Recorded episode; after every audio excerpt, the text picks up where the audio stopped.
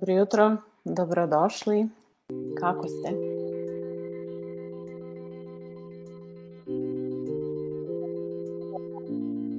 Dobijem gomilu komentara kako ste fenomenalno, kako ste jedva čekali petak, jedva čekali da čujete o čemu ćemo to danas razgovarati. Pa o čemu ćemo razgovarati? Hajde da vidimo. Hajde da vidimo zašto je za uspeh potrebna ljubav i zašto ste vi ovog petka ponovo u nerešenim pričama, psihološkim čajankama i hoćemo li napokon rešiti te priče ili ćemo se jednostavno a vrteti u istom krugu. Šta mislite?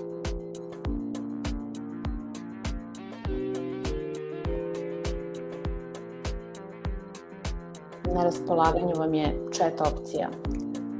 Budite kreativni, pitajte sve što vas zanima, sve što se ne usuđujete da me pitate lično. Jedva čekam. A ja ću vas da pitam gde inspirativni umovi pronalaze inspiraciju i spokoj pre svega da bi napredovali i da bi u stvari živeli onaj pravi, pa autentičan život, da bi slavili svoj život. Srećan petak, Ana. Dobro mi došla. Kako je ovo sjajno, pa ne mogu da vam opišem. Evo, iskoristit ću priliku da vam odgovorim na neka pitanja koja ste mi postavili na Instagramu. Znači, podcast će od sada biti samo na YouTube-u. Svi se koristite, služite ovom platformom, besplatna vam je. Meni nekako je zgodnija da vas ne šetam na hiljadu strana i sigurna sam da možete da pronađete sve što vam je potrebno ukoliko niste u prilici da se uključite u 11.11 .11, kada se svi portali otvaraju i sva vrata, ostaje vam snimak pa možete pogledati u koje god vama vreme to odgovara. A ja očekujem vaše odgovore. Hoću da čujem kako razmišljate ovog petka i razmišljate li uopšte.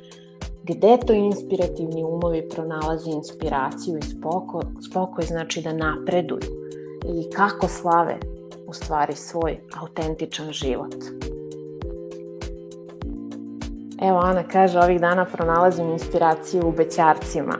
Jao, ja kao vojvođanka, ona izvorna somborka, kada bih sada krenula za sve kume ovoga sveta koje tamo negde u Starabu pokušavaju da prišarafe jednu staru ili već nešto drugo, ne smem dalje, ipak je ovo uživo emisija, možda ima i dece koje nas slušaju, petak je, ljudi se spremaju za kafanu, meni nekako baš Sombor, evo sad ovog trenutka nedostaje.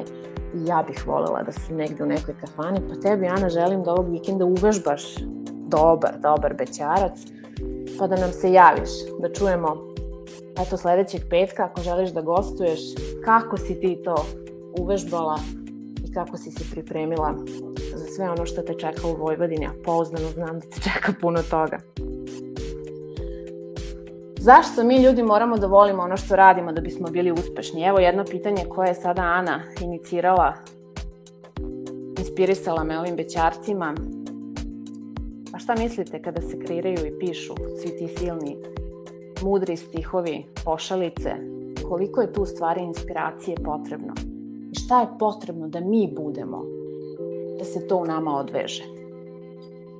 Zašto moramo da volimo to što radimo? Pozdrav za Manuelu.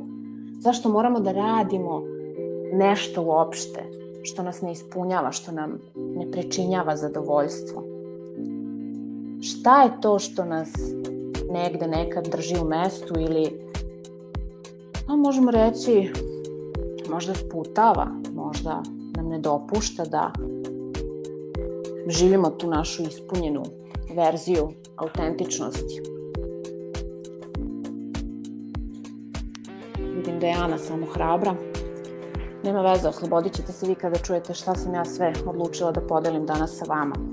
Ako biste mene pitali koje su to karakteristike, recimo, za to neko uspešno življenje, vođenje poslova, kreiranje, pisanje bećarca, uživanje u kufani i tako dalje, pa ja bih vam rekla biti autentičan, biti svoj, biti velikodušan, pre svega prema sebi, a samim tim po, to nas poziva da budemo i velikodušni prema drugima i biti otvoreni.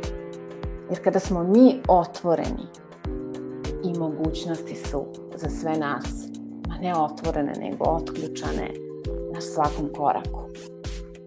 Ja ću o uspehu u nastavku malo više da vam govorim i zašto on nikada ne dolazi sam po sebi. Otkrićete naravno zašto, a ja ću vam sada onako ostaviti jedan trag. Zašto inspiracija uglavnom dolazi kroz ljude koje srećemo? Zašto inspiracija, bez obzira da li se to odnosi, eto, na pisanje stihova ili na pisanje romana ili rad sa klijentima, zašto je uvek nekako sve to podstaknuto u stvari svima onima koje srećemo. Naravno, to može da bude neki prijatelj, može da bude neka slučajna osoba na ulici, može da bude klijent, može da bude Ana iz komentara. Ali ja kada posmatram svoju umetnost, ona je za mene jako moćna i kada kreiram rečima tu emociju za osobu koja je ispred mene, Pa to je u stvari umetnost. To je ono što jesam ja. A to negde onda, naravno da se preliva iz tog našeg unutrašnjeg rezervoara, iz te naše unutrašnje sreće. Šta mislite vi o tome? Ima li veze ta naša unutrašnja sreća sa svim onim što radimo u životu i koliko ima? Da vas čujem. Kada sam ja odlučila da budem srećna, kako ovo zvuči, um, ja sam u stvari odlučila da radim ono što najviše volim. Jednostavno pustila sam kreativnost samoj sebi na volju, počela sam da provodim vreme sa ljudima koje volim. Jer definitivno ako ne dopustimo to sebi, ako se negde zaključamo i ako počnemo da sumnjamo u sve živo, pa nikada ništa nećemo ni napraviti, onda nećemo zaista raditi negde pozvani tom našom suštinom. Ili volite svoj posao ili ga mrzite, zar ne? Nema tu sredine. Naravno da nije baš tako jednostavno, jer moramo da volimo iskreno ono što radimo. A kada volimo svoj posao, to onda znači da osjećamo da naš život ima tu neku veću svrhu, možemo i tako reći, i da ne radimo nešto samo za platu. Ja bar gledam to na taj način. Ne znam za vas. Ali poznajem jako mnogo ljudi i srećem ih svakodnevno koji obavljaju svoje dnevne aktivnosti i svoje poslove baš samo zbog te plate, zbog plaćanja računa i tako dalje. Ali mislim da ipak ovi prvi koji vole svoj posao imaju želju da naprave tu neku promenu u svetu, rade nešto drugačije. Slobodno pišite u komentarima šta vi radite, možda zajedno otkrijemo da li bi trebalo da ostanete na tom poslu ili da tražite neki novi koji će vam ispuniti život. Pozdrav za Marinu, evo Marina kaže, meni je ta unutrašnja sreća najvažnija i glavni pokretač. Koliko ste vi sjajne, obožavam vas. Jeste unutrašnja sreća najvažnija i ona jeste glavni pokretač. A da vidimo sada gde ste vi zaista danas, u ovom trenutku. Radite li posao koji volite ili radite posao koji vam plaća račune? Kupuje besne automobile i torbe. I imate li tog nekog samosabotera duboko u sebi pa vam ne, do, ne dopušta ili negde vas drži onako u tamnici vas samih i ne smete da otključate svoj potencijal. Ana kaže, trenuci kada primetim da volim sebe, nekako me ceo svet zagrli i tada je ta zavesa moje pozornice otvorena za svemir. Samo tada. Šta je potrebno, Ana, da se desi da bi se ta pozornica ogolila maksimalno, da spadnu svi zastori, sve zavese i da ti igraš najbolju ulogu svog života. Manuela kaže, Ja sam danas odlučila uzeti dan za sebe, evo me pored reke, slušam ovaj fenomenalan podcast, hvala ti. Hvala tebi, Manuela. Inspiraciju sam pronašla u kreativnosti, bojama i srži onoga što volim. Sjajno, hvala puno. Da čujem još kako. Igrajte se, razmišljajte. Ja ću vam evo reći jedan metod kako. Pričajte svoju ličnu priču. Moje igranje i poslovanje se uvek zasniva pre svega na toj umetnosti baratanja rečima. Pisanju romana, naravno, kratkih priča, ali i priča koje sve moje polaznice radionica koje se danas ovde sa mnom, mnogo vam hvala što podržavate svaku podcast epizodu. Um, u stvari, one su tu da okuse sve te moje reči i priče i da se na psihološkim čajankama sažive sa njima, da uđu u svaku ulogu, da dopuste sebi da i da se smeju i da plaču i da budu zaigrane i da kreiraju i da otvaraju atelje i da prave parfeme i čokolade i da vijaju bosonoge neke zgodne frajere po nekim nepoznatim bazarima, rade svašta. Ne smijem da vam otkrijem. Pridružite nam se ponedeljkom u 20 časova, otkrite sami. One jedva čekaju i nekog muškarca da, da, da negde onako zaluta a, u naše odaje, ženske odaje psiholoških čajenki. Ja sam sigurna da će vam to potvrditi. Ne znam kako je vama, ali meni je fenomenalno. Ali evo, ja ih pitam, one odgovaraju, pa vidite i sami. Pitaću ih ponovo, da vidimo šta one kažu. Ako su spremne da podele, primaju li vas u te svoje odaje? i kako bi im to izgledalo da se psihološke čajanke izmešaju da budu muško-ženski. A ja sam evo odlučila da s vremena na vreme ugostim neke od njih ili možda sve zajedno, vidjet ćemo, pa da vi vidite kako to izgleda na licu mesta. Sigurna sam da ćete uživati u sledećoj epizodi, ne znam koja će se prva odvažiti i ogoliti i pridružiti, ali će to biti priča, uf, baš kao bećarac. Zašto je važno u stvari da pričamo tu ličnu priču? Evo ja ću vama da dam primer kao um, vezat ću se terapeut klijent na tu priču.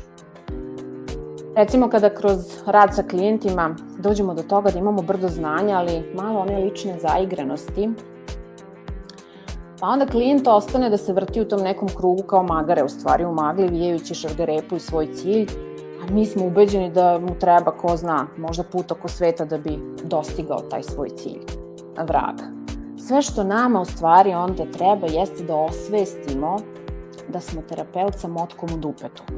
I kada je izvučemo i postanemo obično ljudsko biće, sa onim bolnim iskustvima, udarcima sudbine, povredama, lekcijama, kao što svi jesmo i imamo, onda možemo i da navedemo klijenta da sledi svoju priču, tu ličnu priču i da se ne plaši da je od ključa. Ja se slažete? Kaže Ana, pa da pustim da traje ta ljubav i teče ko reka, a reka se ne zaustavlja. Wow, ovaj petak je poetičan. Sad ćete da me bacite u jednu posebnu emociju. Malo romantike nikada nije na odmet. Hvala Ana. Šta mislite? Zašto mi često želimo da izbegnemo bol? I zašto sada u ovom primjeru koji sam vam navela kada to doživimo, pitamo se šta smo pogrešili da bismo to zaslužili ili kada će to konačno prestati. Suština je, sve da gledamo unazad, obično um, izbegavamo da se sretnemo sa onim najvažnijim uvidom, a to je da su uvek ta najneprijatnija iskustva dovela nas do toga gde smo danas I ti udari sudbine i povrede koje doživljavamo su u stvari oni koji nas čine jačima, izazivaju nas da rastemo, rastemo, rastemo i da se menjamo, ljudi. Pa to je suština, to menjanje. U stvari ne radi se toliko o tome koliko je to iskustvo bilo bolno, koga briga, bilo je bolno pa je bilo. Radi se o tome šta učimo iz tih iskustava i kako iz njih rastemo. Znate da ja ne volim da nosim rukavice i volim da sam vrlo transparentna. Pa evo, moje najbolnije iskustva to mogu sa sigurnošću da vam potpišem, već jesam nekoliko puta, bila su moje najbolje iskustva. Inače, nikada ne bih išla putem nazad do sebe i sigurno vi mene danas ne biste slušali u ovoj emisiji uživo. I tada ja nikada ne bih otkrila taj beskonačan izvor ljubavi, sreće i snage u sebi. I sad kad već smo kod toga, svi već toliko citiraju onu rečenicu iz mog romana, kako je jedini put na koji nam valja poći put ka samome sebi, pa sam se ja evo pomirila sa tim da to više nije moja rečenica nego vaša. Eto vam je. A pošto sam je sad vama tako eto poklonila, vi uradite nešto sa njom. Napišite je na ogledalo, u rokovnik, na retrovizor, istetovirajte je na dupe ako želite. Ali je živite. Jer zaista nema drugog puta. Samo nazad ka nama samima. Kako se to moj život promenio? Kroz sva ta iskustva. Pa, počela sam da postavljam sebi pitanje svaki put kada me nešto onako udari ili me neki talas zapljusne kom se nisam nadala, kako da ovo učinim najboljim od svega što mi se ikada dogodilo? Kako da to bude moja priča? Šta je potrebno da uradim? Sad se vi pitate kakve ovo veze ima sa poslom i ljubavlju. O, i kako ima. Kada nisam napisala roman Maslačak nošen vetrom, nikad ne bih otišla iz Srbije. Nikad ne bih upisala studije za psihološko savjetovanje, edukaciju iz akupunkture, nikad ne bih prošla sve te sjajne treninge na polju ličnih granica, svesti, rada u korporativnom savjetovanju, integrativnom savjetovanju pojedinca. Ma nikad ne bih mnogo toga. I sigurno nikad ne bih otkrila da sve to što mi je dato, kao jedna slika koja bi rečima zvučala, pa da vidim, možda ovako, sad lepo otvori praksu, pa svaki dan radi, uživaj, dolaze ti klijenti, svaki dan ti je isti, uuuuhu, stani malo. E to mi opet zvuči kao onaj magareći put o kom sam pričala na početku, koji vija taj neki svoj cilj u magli, tu neku šargarepu koju ne voli, ne vidi. A možda i ne voli, ali neko mu rekao da treba da je voli, ko zna. I uvek sa tim nekim istim putanjama ili istim metodama. Zato se ja usudih, probah, zatvorih i shvatih da za mene je sve, ali sve samo ne ono što već svi drugi rade. Šta ću vam još jedna ja ako na svakom ćošku ima svega toga?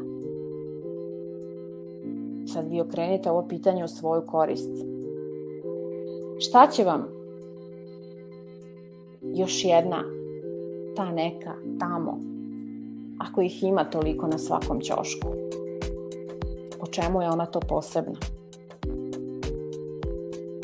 Zato ja danas kreiram, družim se sa vama, sjajnim ljudima, kroz ove naše čajanke, seanse i sledim taj svoj koncept, primenjujući sva svoja znanja i neznanja, pa i ona koja otkrivamo hodu. Dopuštam sebi da kroz ovu razmenu učim od vas a i vi sigurno popijete koju šoljicu čaja. A usput zezam se nešto tu kao štaram po nekom nameštaju, pišem romane, organizujem seminare, radionice, piš, pišem svašta nešto, bockam iglama drugarice u skafu da se malo rasterete emocionalnog tereta, dok nam neka sitna deca trče oko nas. Ali, pre svega, u svemu je jako mnogo ljubavi. Neki ljudi su jednostavno imali sreće sa svojim poslom i na kraju kad su se zaposlili, zaljubili su se u svoj posao. To nije bila moja priča. Drugi recimo nisu bili te sreće i oni su se uvek nekako plašili unapred svakog tog svog odlaska na posao. I nikada nisu bili zadovoljni svojim poslovima. To su i ljudi za koje se svi nadamo da ćemo biti.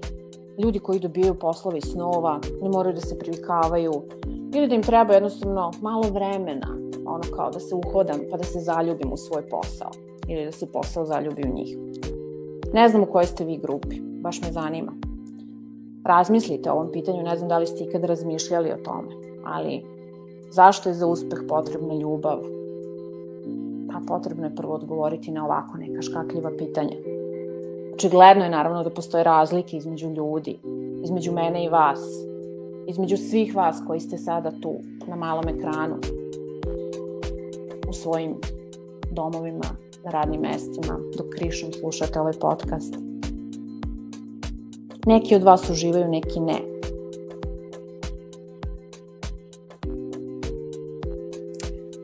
Evo imamo poruku, Maja iz Budve pokušava da se priključi dok to ne uspe, imam zagrljaj od nje. Jao pa divno, grlim vas sve ovako na daljinu, koliko je sjajan ovaj naš univerzum i koliko prostora ima u njemu. Hvala Ana. Pa evo dok čekamo da nam se pridruži još jedna sjajna Maja, da vas pitam koja je to razlika toliko očigledna između nas ljudi, između onih koji uživaju u svom poslu i onih koji ne uživaju u svom poslu. Ko su ti ljudi koji vole da idu na posao i po čemu su oni to srećniji, produktivniji, raspoloženiji i imali to veze jedno sa drugim?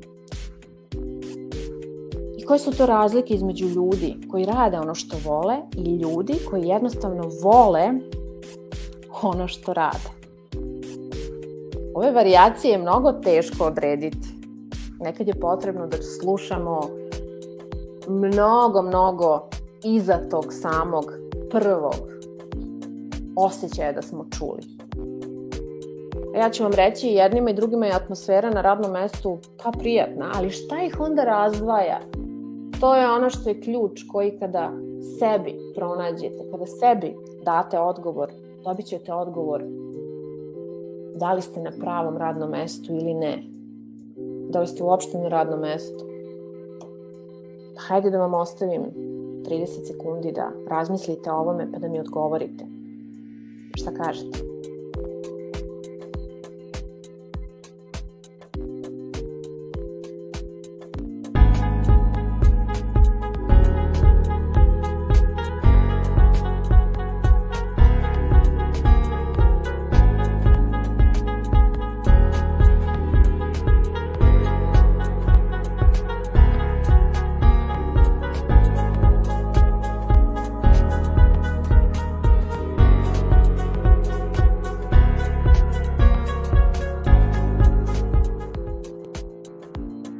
Dobrodošli nazad, nadam se da ste spremni, da imate negde, bar onako u vidiku, svoj odgovor. Da se negde tu pojavljuje. A ako ne, nemojte da se sekirate, petak je, vikend je pred vama. Odgovori će stići kada bude pravo vreme za njih.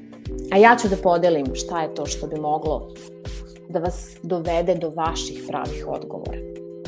Šta je to ključno u svemu što ja radim? Pa recimo strast. Za mene je strast pokretač. Ali isto tako i za sve ove ljude koje sam nabrojala kroz primere. Jer svi oni koji rade ono što vole, oni su strastveni u tome što rade. I ta osoba koja radi ono što voli ima strast koja dolazi negde mnogo dublje u njo, iz nje same od one osobe koja jednostavno pa dođe, odradi svoj posao, uzme platu i ćao. Evo imamo jedan komentar. Marina kaže, moje mišljenje je odgovor na sva tvoja pitanja autentičnost. To je to, jeste. Bravo, Marina. E, sad je pitanje kako biti autentičan. Imamo li hrabrosti da budemo autentični? Kada radimo ono što volimo, to znači da smo mi već unapred poželeli taj posao iz snova, iz nekog razloga, on se u toj našoj strasti, u tom semenu strasti probudio, začeo. Bez obzira da li je u pitanju u pozadini te naše figure novac, lokacija, mesto življenja, ljudi i tako dalje, neki deseti cilj. Šta god da je u pitanju, strast je ta koja je pokretač, koja je svetlo na putu, plamen, gorivo, zovite to kako god želite,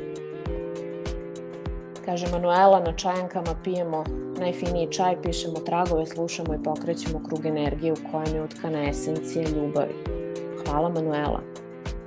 Evo Manuela vas je na ovaj način pozvala da otkrijete kako to izgleda na čajankama. Šta su psihološke čajanke, vidjet ćete u dnu ekrana. Pročitajte, pridružite nam se, radujemo vam se. Mi idemo na sledeće začine koji su mogući da nas negde probude, animiraju, da nas upitaju, da dođemo do svojih odgovora. Da li je uspeh zaista usko vezan sa ljubavlju. I da li se ta ljubav odnosi na ljubav prema samome sebi ili je to neka tamo deseta ljubav. Ne znam. Ja bih rekla da je tu i zahvalnost. Kada nešto radimo, nešto što volimo, onda nam je data šansa da ostvarimo cilj koji smo namerili, ko zna kada, da postignemo to. Od samog tog trenutka kada smo postavili tu želju u sebi, prepoznali je, do onog trenutka kada smo počeli da ostvarujemo svoj san. I taj pojam mogućnosti je u stvari onaj koji čini da se osjećamo tako zahvalnima. Jer smo mi primalac svog sna. Kako ovo zvuči. Ali zaista je tako. Ne možemo da primimo nešto za što nismo otvoreni. Sećate se ona tri, one tri važne karakteristike koje sam navela na početku. Šta uspešne osobe treba da posjeduju? Autentičnost, otvorenost, velikodušnost. Pa da bismo mi bili velikodušni i otvoreni, pre svega je potrebno u tom trenutku da budemo i zahvalni.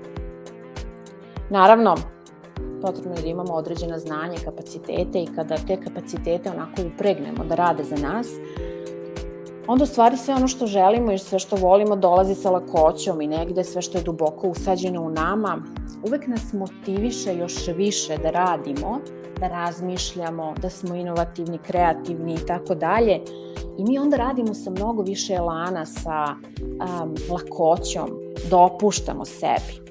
Jer oni ljudi koji rade sa strašću, sa svojim znanjima i sa lakoćom, sledeći svoje priče, nemaju tu svakodnevnu borbu, ne ustaju svakog jutra namrgođeni, ne razmišljaju o tome, jo bože, čeka me još jedan dan na poslu i tamo neka luda koleginica sa kojom ne mogu da se omirišem uopšte. Ne, oni jednostavno ne razmišljaju o tome. Oni pronalaze načine da budu još bolji, da iznesu svoj najbolji rad na videlo, ideje. I traže načine kako da ih generišu. I u tome je suština koristiti svoje kapacitete. Pa koji su vaši kapaciteti? Eto još jedno pitanje za ovaj vikend o kom biste mogli da razmišljate. A naravno, kada smo kod kapaciteta, tu su i prioriteti. Nekako se baš i rimuje, možda još i neki bećarac mislimo na kraju, ko zna. Ako volimo da radimo, opet ta ljubav, nekako je baš u svemu i to mi se dopada. Ali ako volimo baš da radimo nešto, onda naša prva strast će uvek imati tu prednost nad svim onim poslovima drugim koje obavljamo. Ako se sada malo onako zagledamo u sebe, pa znamo koja je to naša strast i u čemu uživamo, znaćemo onda i da svi oni poslovi sitni koje smo radili ili možda su veliki neki poslovi koje smo eto zbog te plate odrađivali, nikada nisu imali veze sa našom strašću i da je nekako uvek u nama ta naša strast bila na prvom mestu. Imala je prednost u odnosu na bilo koji od svih tih poslova. Bez obzira možda i neki hobi i tako dalje u pitanju. Ali to ne znači onda da svi ti ljudi, recimo, koji vole svoj posao, su lenštine, kao neće se bave nekim hobijima i tako dalje, neće da budu inovativni. To samo znači da ljudi koji rade ono što vole, možemo da kažemo ubiju dve muve odjednom. Um, zašto? Zato što je njihova strast, njihov posao, oni uživaju u tome. I to je nekako najvažniji element te ljubavi, ali i njihovog života. Jer to nije odvojivo. To je kao produžetak njih samih. I zbog toga je onda mnogo teže um, ne učiniti prioritetom ono što volimo, što je naša strast. Jer ljudi koji rade ono što vole su stalno nekako pouzdani i drugima mnogo olakšavaju, bez obzira u kojoj sferi, u kojoj niši njihova delatnost. Hajde da udahnemo, da izmeditiramo sekund, dva, dok mi moji vilenjaci nas po čašu vode, da uzmem gutljaj, a vi slobodno komentarišite pa nastavljamo sa par konkretnih smernica koje bih rado podelila onako sa vama za ovaj predstojeći vikend. Možda vam budu od koristi.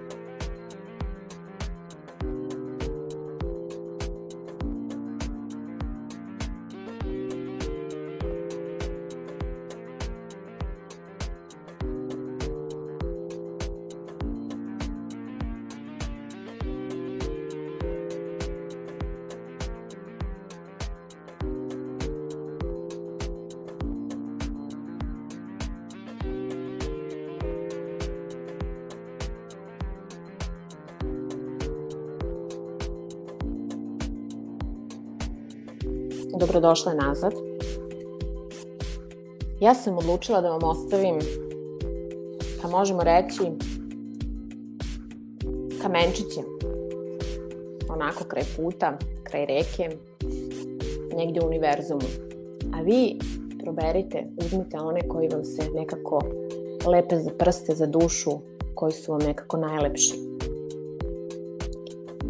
Možda negde neki ocijaj u vašem oku bude refleksija vaše duše, vaše strasti, pa prepoznate šta je to što vam je nedostajalo ili možda od uvek bilo u vama, jednostavno niste se usuđivale da krenete po to. Prvi kamenčić neka bude ne trudi se da ostaneš fokusirana na zadatak koji imaš. Ako kažemo ovo, ako je ovaj kamenčić, taj naš uzaludni trud koji često rasipamo na sve strane, hajde da kažemo to iz drugog ugla. Ako ti um odluta dok si na poslu, a često će se desiti tako nešto, a onda ćeš često morati da se trgneš iz tog sanjarenja i da ostaneš disciplinovana kako ne bi zaboravila radni zadatak koji imaš i tako dalje, pogotovo ako je to neki vrlo odgovoran posao. Pokušaj da kontrolišeš taj trenutak. Kada iskreno voliš svoj posao, to nije uopšte problem. Stvar je baš suprotno. Ti se onda ne boriš da ostaneš na zadatku. Ti se boriš da odlučiš kojim ćeš zadatkom pre da se uhvatiš u koštac. Šta ćeš prvo da radiš. To je ono kada se ja našajem, kada ljudi kažu ja blago tebi kako imaš strava posao. Pa ja kažem dobro ljudi, što se vi ne bavite stvarima koje vas privlače, koje vas pale, koje rade za vas pa ja nemam vremena za sebe, pa ja nemam vremena da udrnem 5 sekundi u svoj dan, da izepiliram noge, a ne da nešto drugo radim kreativno i tako dalje. Uh, to mi je baš onako jako nizak prag ljubavi prema sebi. Istina je u stvari, ni ja nemam tih 12 vilenjaka koje volim često da spomenem, možda se koliko ih spominjem negdje i pojave danas na mom pragu, bit ću im jako zahvalna ali jednostavno ja jedva čekam svaki tvoj, taj svoj zadatak. Sve, sve što radim, ja jedva čekam, jednostavno uživam u tome. Pa onda dok to radim, usput mogu i da skuvam ručak i da oribam kupatilo i da razmišljam o tome kako treba da odem u prodavnicu jer je uskoro tri, neki praznik, tri neradna dana su tu iza ćoška i šta ja sad mogu da napravim da mi frižider bude pun, da ne razmišljam o tome da li ću imati dovoljno banana, za doručak i tako dalje. A usput imam tri klijenta ili pišem radionicu za ponedeljak za moje devojke na čajankama. Pa ja to sve mogu da radim u hodu. Ko mi brani? Da se igram. Ja u stvari nikada ne radim. Ja se samo igram. I to je ono što ja kažem, ostaješ na tom zadatku koji te pali, boriš se jednostavno sam sa sobom da odlučiš koji ćeš pre da uradiš. Kad ti ideš na posao, dolaziš, dolaziš svaki dan tamo, gledaš tu svoju listu obaveza i daješ prioritet nekim stvarima koje moraš da uradiš i koje apsolutno te ne interesuju, jer naravno neko bi ti onda posle tamo skakao po glavi ako to ne odradiš, a ti moraš da skačeš sa zadatka na zadatak, i onda jednom imaš želju da ih rešiš sve odjednom i naravno onda ti je fokus rasturen na sve četiri strane sveta. I ko zna gde bi ti još pa onda nemoj da se trudiš da ostaneš fokusirana na ono što te ne zanima. Drugi kamenčić koji bih voljela da vam poklonim jeste u stvari govorite uvek o onim dobrim stvarima koje drugi ljudi rade. Umesto da pričate nešto negativno ili da ne kažem ogovarate druge ljude.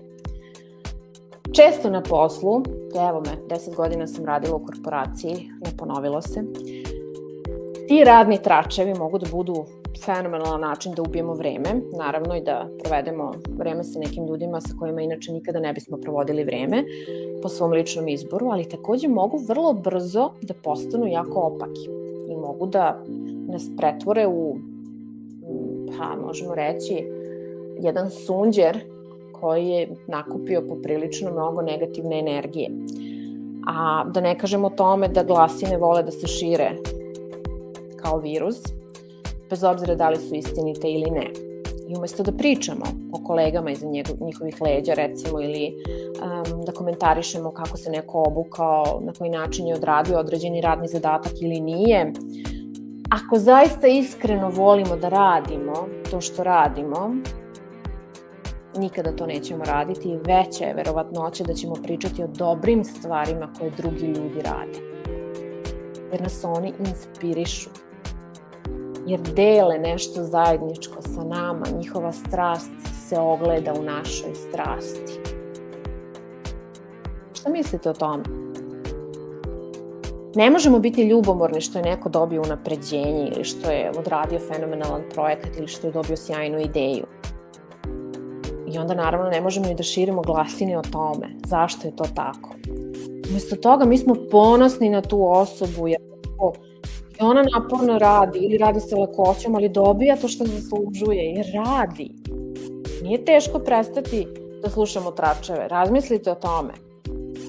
Mnogo je teže da počnemo da širimo pohvale i da ističemo dobra dela na svom radnom mestu, na ulici, na fakultetu i tako dalje, gde god da radite. Govorite dobro o ljudima, umesto što govorite bilo šta drugo o istim tim ljudima. Evo imamo jedan komentar. Ana kaže, mene nekad koči da iskoristim svoje kapacitete i krenem ono što volim jer se bojim da ne znam dovoljno, da moram još da učim, uverenje da moram mnogo pasulja da se najdem da bih mogla da uspem. Pa vidi, pasulj je uvek pogon, dobar pogon, malo pripričah o tim kapacitetima, šalu na stranu, svako znanje koje posedujemo, ukoliko krenemo da ga stavljamo u pogon, priziva mnogo više novih kapaciteta znanja koji nam hrle u susret jer jedva čekaju da se sretnu sa svim onim što je već u tebi. Nema tu previše razmišljanja, samo se pustiš u hodu učiš i stižeš do svega onoga što misliš da ti je nedostajalo, a onda shvataš vremenom možda ti je toliko malo toga nedostajalo ili čak ništa, a ti si se jednostavno odvažila. I to je ono na čemu ćeš biti sebi zahvalna, o čemu sam takođe govorila. Kaže Ana, ali mi sve lakše i češće pada da uključim veru u svoju autentičnost i hrabrost. Bravo. Idemo na treći kamenčić. Ne znam da li su ova dva već razgrabljena. Razmislite o tome. A treći kamenčić neka bude uživaj u vremenu koji provodiš na poslu ili u tome što radiš. Kada kažem za uspeh, za posao, to može da bude i hobi, to može da bude i vajanje, to može da bude i heklanje, to može da bude naravno tvoj odlazak na posao, taj neki ofis gde radiš, provodiš tolike godine, čekaš tu penziju i tako dalje ali uživaj u vremenu na poslu. Naravno, nekad nemamo izbora, ali najčešće imamo izbora, uvek je izbor na nama. Svi bismo mi naravno radije da budemo negde drugde nego da sedimo za svojim radnim stolom. Osim mene, ja volim da sedim za svojim radnim stolom i volim da uživam u tom svom vremenu. Bez obzira, um, sad ću da vam otkrijem zašto. Zato što ja živim ovde pored plaža, iako ne živim na moru, ja nekako um, trudim se da veliki deo vremena u godini provedem na moru, ali sam odabrala i da ona moja lokacija na kojoj najviše vremena provodim me podsjeća na ono što najviše rezonuje sa mojim vrednostima i sa onim što je meni potrebno. Pa ja, eto, živim negde pored plaže, pa je onda taj moj radni sto nekad kod kuće, nekad na plaži, nekad se penjem na planinu u mojoj šumi, a ja zaista uživam da provodim svoje vreme radeći za tim svojim radnim stolom. Nekad mi je radni sto panj, jednostavno izvučem svoj kompjuter i sednem da pišem roman. I taj panj uživa, a ja ne mogu da vam opišem koliko uživam u svemu tome. I u tome je suština. Uživanje u vremenu koje provedemo kreirajući, radeći to nešto što je naša strast. Jer ako zaista volimo to što radimo, onda nam je drago kada to radimo. Ne trošimo vreme da mrzimo svoju okolinu i da želimo da smo negde drugde, ne znam, na Bahamima ili um, ne znam, odaberite gde, ali kada volimo to, mi onda znamo da na poslu imamo to nešto, da u tom poslu koji obavljamo imamo nešto što nas raduje, što nas ispunjava, što rado obavljamo. Četvrti kamenčić. nemojte da razmišljate jo, kako da preživim još jedan radni dan.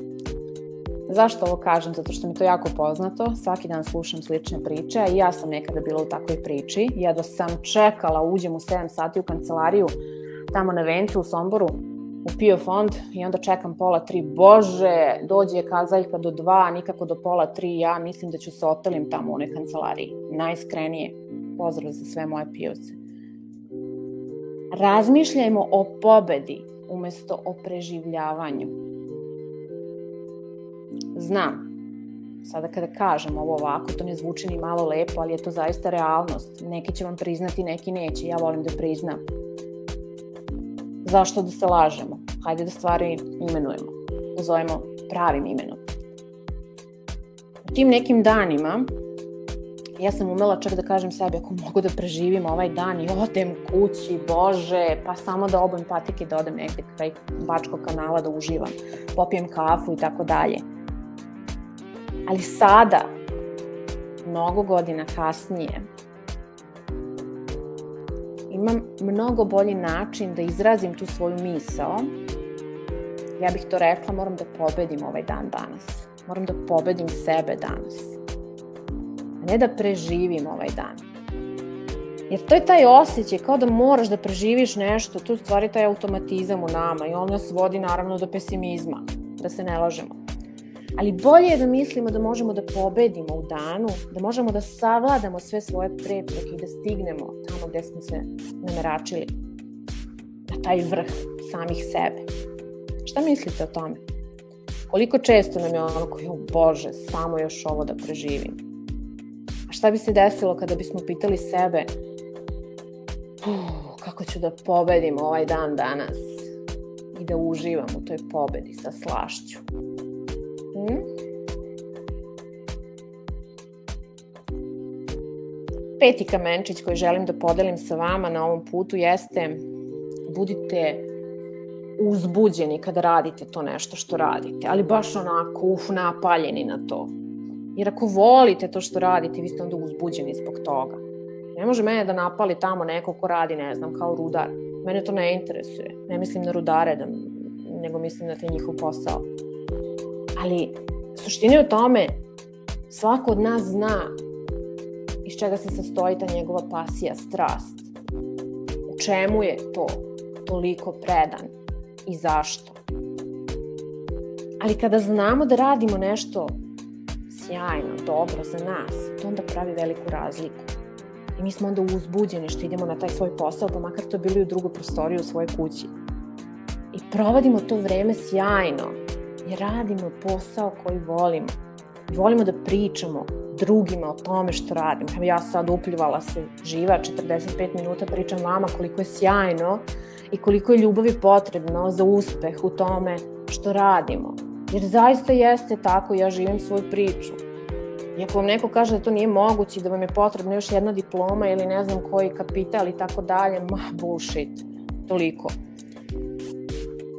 Pričajte o tome svima oko sebe, što vas pali, što radite, što volite, u čemu ste strastveni. U jednom trenutku počet ćete da čujete sami sebe, jer pravo uzbuđenje je zarazno. Pa ako se onda tako osjećate u vezi sa svojim poslom, šta tek može da se desi na drugim frontovima. Idemo na šesti kamenčić. Nemojte da gledate na sat. E, sad ćete vi meni svi da kažete kao, pa to je nemoguće, a to se onda automatski veže na ono jedva čekam da preživim ovaj dan. Evo, ja već nekih deseta godina uopšte ne nosim sat. Imam neki neku malu kolekciju svojih satova zato što sam baš voljela da ih nosim i nekad sam bila opsednuta sa tim ne mogu da izađem iz kuće ako nemam sat na ruci ali evo već i deseta godina neki put iz fazona stavim dedin mog pokojnog dede stavim dedin muški sat a, navijem ga onako da mi kucka čisto da mi onako ugreje srce da mi pokrene energiju ali da bih otkrila da li je pravo vreme ili nije, ne moram da imam sat na ruci, dovoljno je da zažmurim i da se zagledam u sebe.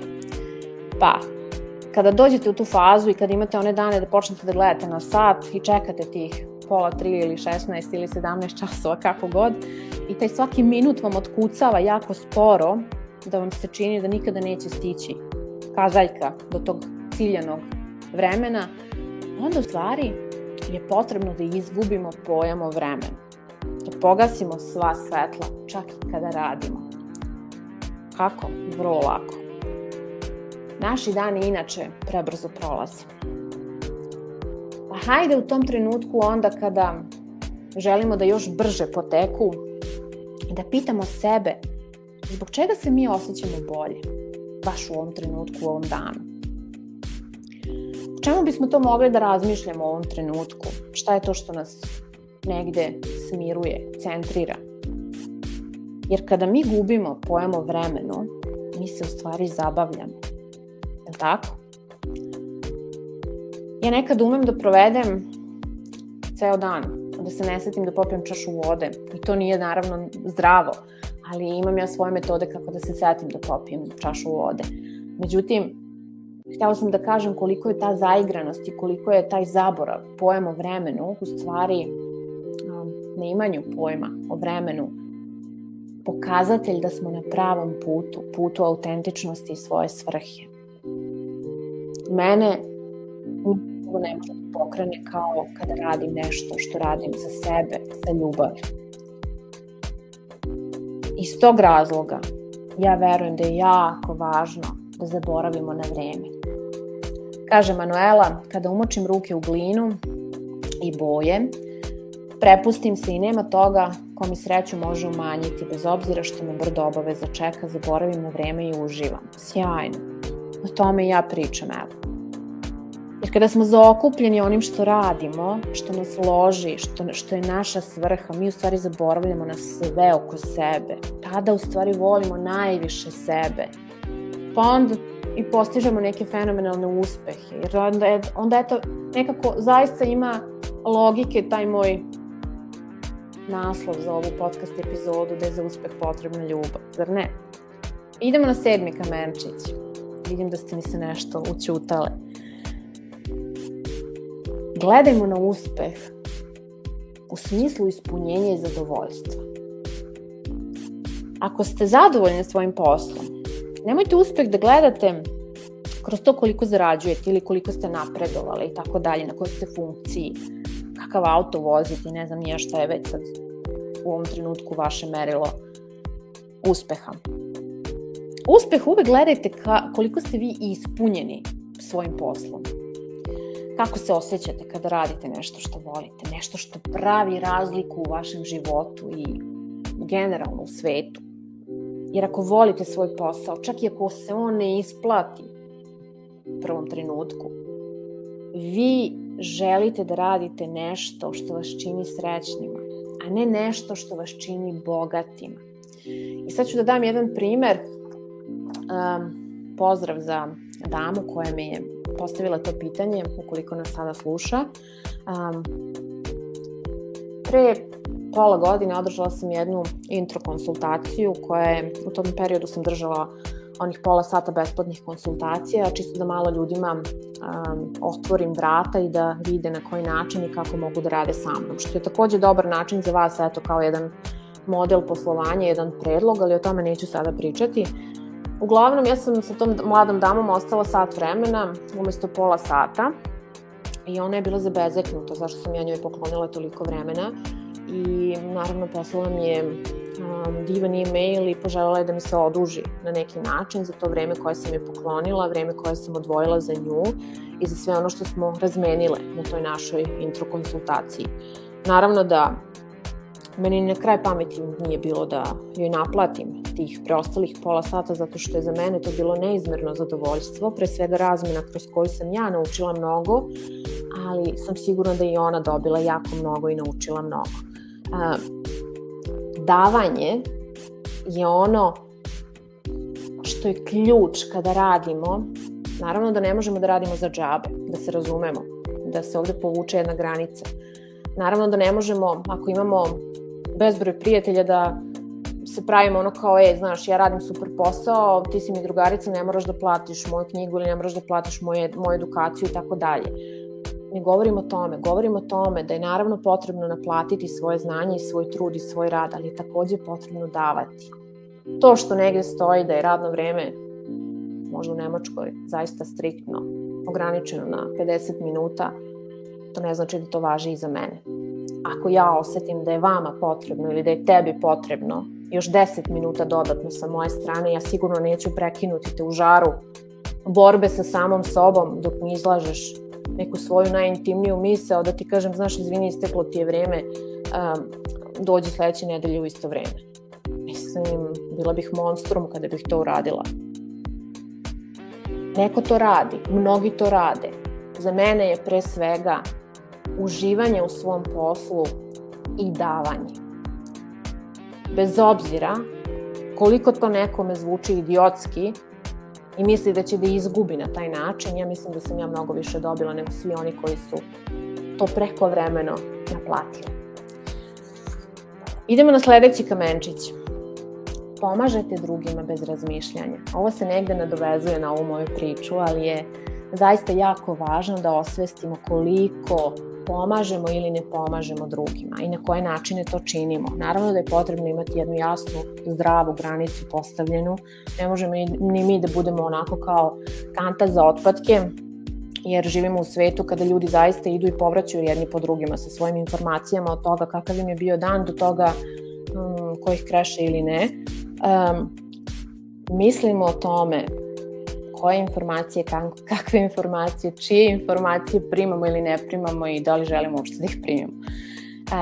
Ali isto tako nemojte da odmažete drugima ukoliko možete da im pomognete. Umesto da sabotirate recimo druge da pokušaju da napreduju kada je poslovanje u pitanju ili da učine nešto sjajno ako vidite da su sjajni u tome, ali im je možda potrebno da ih malo pogurate u leđa, vi ako volite svoj posao i to što radite, onda možete da činite samo dobre stvari, nikako suprotno. Ja nekako verujem u to. Jer kada pomažemo drugima, mi svi u stvari radimo na jednom istom cilju. I mi zaista svi jesmo jedno. Juče sam u jednom trenutku izjavila da to više nikada neću izgovoriti, zato što sada definitivno znam da to jeste tako i da ćemo svi nekada doći do tih uvida. Osećajte to samopouzdanje u sebi, Ako ste u poziciji, bilo kakvoj poziciji da nešto nekome date, dajte to po Bogu. Ne zato što ste vi, ne znam, nija kako dobri i ne znam nija što, nego zato što volite sebe, samim tim volite i to što radite. I tako znate da nikoga ne ugrožavate, nikome ne uskraćujete to nešto, nego jednostavno pomažete drugima. Čak i ako vi dobijete malo ili čak ni malo za uzvrat, uopšte nije važno, dajte pomozite.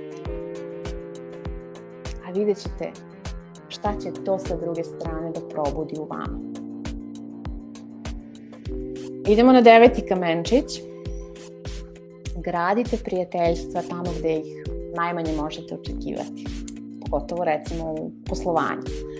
Ima ona teorija um, ja volim da je zovem švapskom teorijom, ali nije, ona generalno svuda u svetu, kao klijent i terapeut ne mogu da budu prijatelji. Pa ko je to rekao?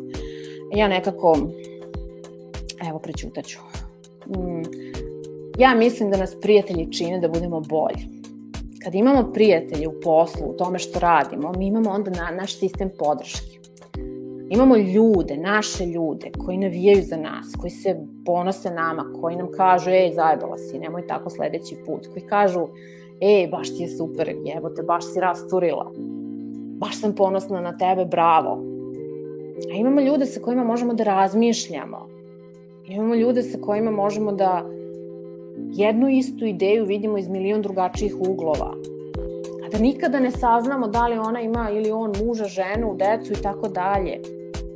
Imamo ljude koji nas i naše okruženje i sve u nama čine boljim, da ne kažem mestom za sve, ali boljim osobama, bićima. Imamo ljude kojima možemo da damo onako oduška ako im je potrebno i znamo da će razumeti odakle to dolazi. Imamo ljude sa kojima možemo da plačemo, sa kojima možemo da se smejemo. A za to je potrebno da napravimo korak ka njima ili da ih pustimo da oni naprave korak ka nama pa da se nađemo tu negde. Mi svi jesmo jedni. Jer kada imamo prijatelje, u tom delu u kom smo dobri, poslu, svemu tome što radimo, mi smo onda srećni, to je dokaz da smo srećni. Jer niko ne želi da provodi vreme 8 sati da provede na nekom mestu sa nekim tamo, sa nekom nađak babom. Zar ne? E, idemo na deseti kamenčić. Vikend. E, ljudi, petak je. Ide vikend. Pa zato vaš vikend je vaš vikend. Setite se toga. Pogotovo ako ste preduzetnici. Setite se da je vikend vikend i da svaki e-mail može da sačeka ponedeljak. Da svaka poruka koju primite ne mora istog trenutka da bude pročitana ili da se na istu, istog trenutka odgovori. Svi vole vikend. I naravno, tu nema ništa loše. To je sjajno. Ali kada zaista volimo ono što radimo, pa jeste sad ovo sve što sam vam rekla na početku, šta ću sada da vam kažem. Kada zaista volimo to što radimo, onda ta dva dana su samo vreme koje će da popuni, recimo, prostor do ponedeljka. Jer kada radimo nešto što ne volimo, mi jedva čekamo vikend, jel tako? I onda dođe vikend, pa subotu i nedelju, jao, daj mi sve da Bog da mi preselo do tog ponedeljka. Kada radimo posao koji mi volimo, kada uživamo u tome, pa to su onda samo još dva dana u nedelju i ništa drugo.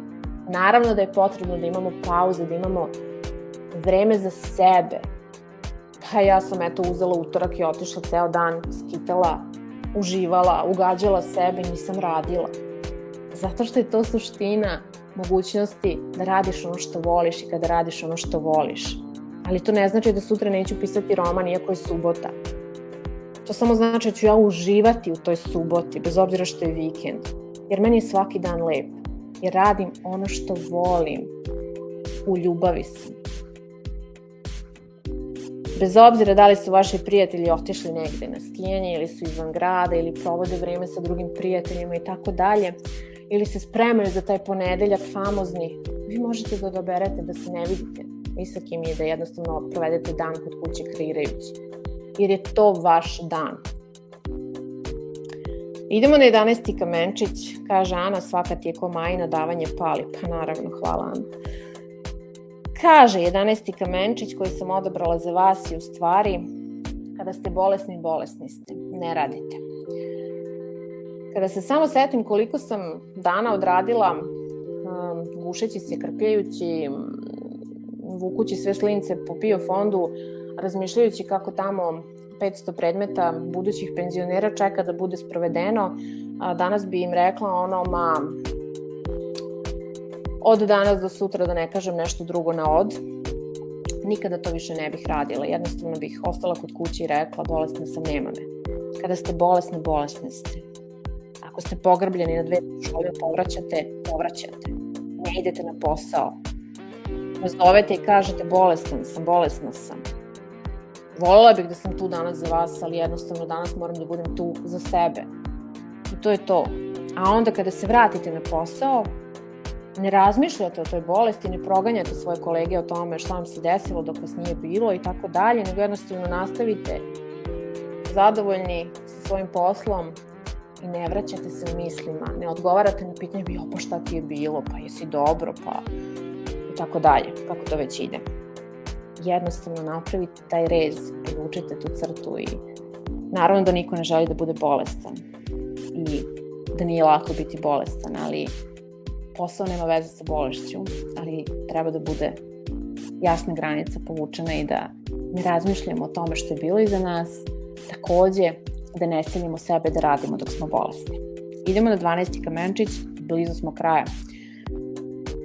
Pronalazite rešenja umesto da se bavite problemima.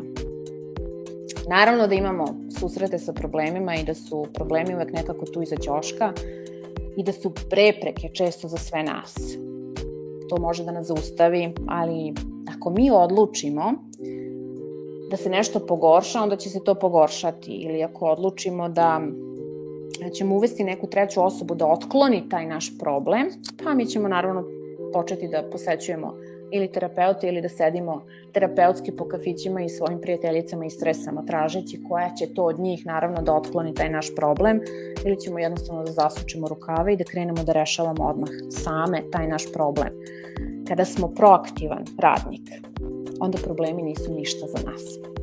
Mi smo onda uzbuđene, um, razmišljamo kako je to još jedan izazov koji imamo, a ne problem za rešavanje. I onda mi bukvalno onako skočimo kao na konja i krenemo kao uhu, daj mi da vidim šta još mogu i kako ja to mogu da izguram ovo do kraja, ovaj rodeo, a da me ništa ne omete u mom poslu i da me ništa ne zbaci onako iz sedla. Pa čak i ako me zbaci, bože moj, obrišem prašinu, ustanem, uzvišem ponovo i to je to. I idemo na 13. kamenčić. Kada radimo nešto, nemojmo se plašiti toga.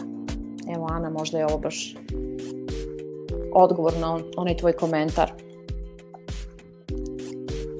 Kada smo, kako bih ovo rekla, uh, kada pronalazimo rešenja, ta proaktivna rešenja za neke izazove na radnom mestu ili naše lične izazove, um, mi kada volimo to što radimo, nekako uvek težimo da radimo još više. Nekako se uvek nadamo da ćemo imati još više posla. A recimo kada smo na poslu, kada nam neko zadaje te neke nove projekte i kada nam dođe, ne znam, menadžer pa kaže, je, znaš, moraš da uradiš još to i to, mi onda bukvalno um, napadnemo taj posao, sednemo na svoje radno mesto i ne moramo da predviđamo ništa, jednostavno znamo koja je naša obaveza i šta je potrebno da uradimo. Ali je suština u tome da kada radimo za sebe, kada pokušavamo da odvežemo tu našu otvorenost, autentičnost, kreativnost, mi onda u stvari negde i lebdimo između toga ne radim ništa i radim mnogo, pravim se zauzeta ili nisam zauzeta, previše razmišljam ili premalo razmišljam ili možda premalo osjećam, da tako kažem, I to nam oduzima priliku da vidimo i sebi dokažemo svoju vrednost. Naravno da nije potrebno da je dokažemo, ali u situacijama kada se pitamo i plašimo, možda je upravo to potrebno, ne da gledamo izvan sebe, nego u sebe i da manje lebdimo, a da se više fokusiramo na to što umemo trenutno, da otkrijemo u stvari koliko to trenutno može da nam otključa kada jednom sa tog lebdećeg stanja vratimo se čvrsto, stanemo svojim nogama na zemlju i shvatimo u stvari, bez obzira što se plašimo, to nas pali, to nas radi, to je to, to treba da radimo. I evo, recimo, još jedan kamenčić za kraj, uvek sve što radite, radite za širu sliku. Ovo je već negde onako potkrepljeno svim ovim što sam vam ispričala, ali ako volite sve to što radite, šta god da radite, mesite hleb, pravite makaronse, heklate, vajate, restaurirate nakit ili nameštaj, vodite psihoterapeutsku praksu, ma nemam pojma, vadite krv ceo dan. Radite to za širu sliku, jer ako volite svoj posao, znate da je to onda ne samo za vaše dobro, nego za tu neku širu sliku dobra imate osjećaj kao da svi zajedno koji su uključeni u to što radite vi ili dođu do toga što ste vi napravili, smislili, zajedno sa vama rade za taj malo veći cilj. I onda znate da je to vaša šira slika, odnosno naša zajednička šira slika i mnogo šira od onoga da samo dobijemo priznanje, dobro slušajte ovo, za taj jedan korak na lestvici, da smo kao wow nešto postigli. Kada volite taj aspekt sebe i svog poslovanja, onda znate da svi traže ne jedni druge, ne to priznanje, već svrhu. Velika slika je uvek važnija od bilo koje osobe unutra. Pa i ja sada u ovom trenutku samo sa vama mogu da izgradim tu širu sliku. Pa ako vam ovo sve nisu bili putokazi, onda ja ne znam, stvarno danas nije petak i ja nisam Maja Vu, a pošto jesam i znam da u svemu što podelim sa vama ima toliko mnogo znakova i mogućnosti, ja vam želim da ih istražite, da se usudite, da sebi dopustite pobogu, da izvučete motku iz dupeta, da se nasmete, da kreirate, da se ne plašite, pa i ako se plašite, uhvatite se, naskočite na taj rodeo, jednostavno ako i padnete, ustaćete, nikom ništa. Istražujte. Ponekad jasnije iskažite gde su vaše granice. Naravno, po pitanju rada, ali i svega ostalog. Šta volite, šta ne volite. I za kraj, evo, pitaću vas, da li vi radite ili se zabavljate? Ja se evo zabavih sa vama, jer petkom, naravno, ne primam klijente, tako sam odlučila, ne držim radionice, to radim ponedeljkom, ali zato snimam podcast Čajanke uživo i baš je sjajno. Uh, bože, koliko mi je sjajan posao, a? I ne, naravno, niko mi ga nije poklonio, samo ja, sama, izmislila za sebe. Pa do sledećeg petka želim vam više ogoljenosti, manje uštirkanosti, više seksa, manje glavobolje, mnogo zaigranosti, manje zamišljenosti i na kraju, evo, više vas samih sebe na dar. Ako ima pitanja, dok se ja pozdravim sa vama, vi otkucajte, sačekat ću još minut, dva. Biće mi drago da čujem. Hvala vam što ste slušali psihološke čajanke nerešene priče. Ako vam se dopala ova epizoda, podelite sa prijateljima i neprijateljima kako to već ide, ugodite mom egu, udelite mi neki like, učinite nešto za sebe, naravno prijavite se na kanal i posetite me nekad ponedeljkom, povedite svoje prijateljice ili prijatelje ili partnere na psihološkim čajankama, radionicama, svašta nešto može da nas pokrene, zapali, zainteresuje i naravno zajedno tamo putujemo kroz moguće i nemoguće. Bilo mi je zadovoljstvo kao i uvek.